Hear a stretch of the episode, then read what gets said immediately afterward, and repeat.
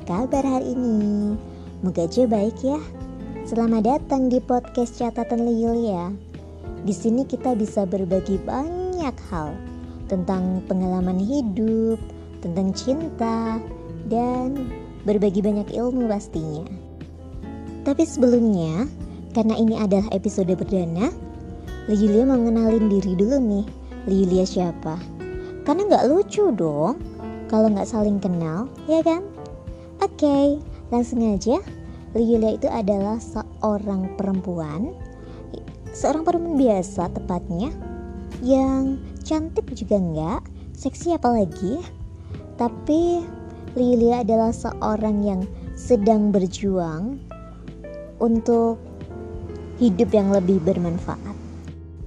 Dan berbicara mengenai kehidupan, kita harus tahu kalau hidup kita tuh terbagi menjadi tiga waktu. Apa itu? Yang pertama adalah waktu kemarin. Di waktu kemarin, kita tidak bisa mengubah apa pun. Yang udah terjadi ya udah, nggak bisa ditarik kembali. Misal ada ucapan dari mulut kita yang salah pun, itu juga nggak bisa kehapus gitu aja. Nggak cuma kesalahan doang, tapi juga kegembiraan juga sama.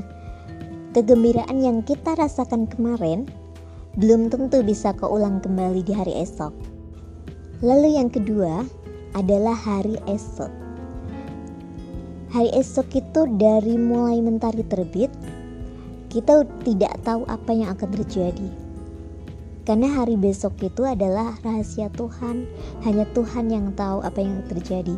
Kita sedih atau senang itu hanya Tuhan yang tahu. Terus yang terakhir adalah hari ini.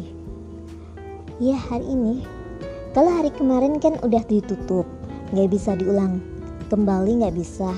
Dibuka lagi itu juga udah nggak bisa.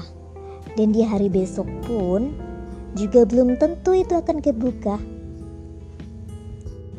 Karena umur manusia itu nggak ada yang tahu bisa aja tiba-tiba meninggal gitu habis lihat mantan pacar misalnya jalan sama pacar barunya terus habis itu sesak nafas terus meninggal gitu kan bisa aja terjadi. Jadi buatlah hari ini menjadi hari yang sangat spesial dengan mengerjakan hal-hal yang sangat baik. Maafin semua orang-orang yang telah nyakitin kita. Dan berdoa agar semoga dengan memaafkan orang lain, Tuhan juga memaafkan diri kita. Sulit sih memang, tapi jika kita memaafkan kesalahan yang besar, semoga aja Tuhan juga memaafkan dosa-dosa besar kita. Jangan lupa nikmati hari ini. Berikan kasih sayang tulus kepada orang-orang yang menyayangi kita.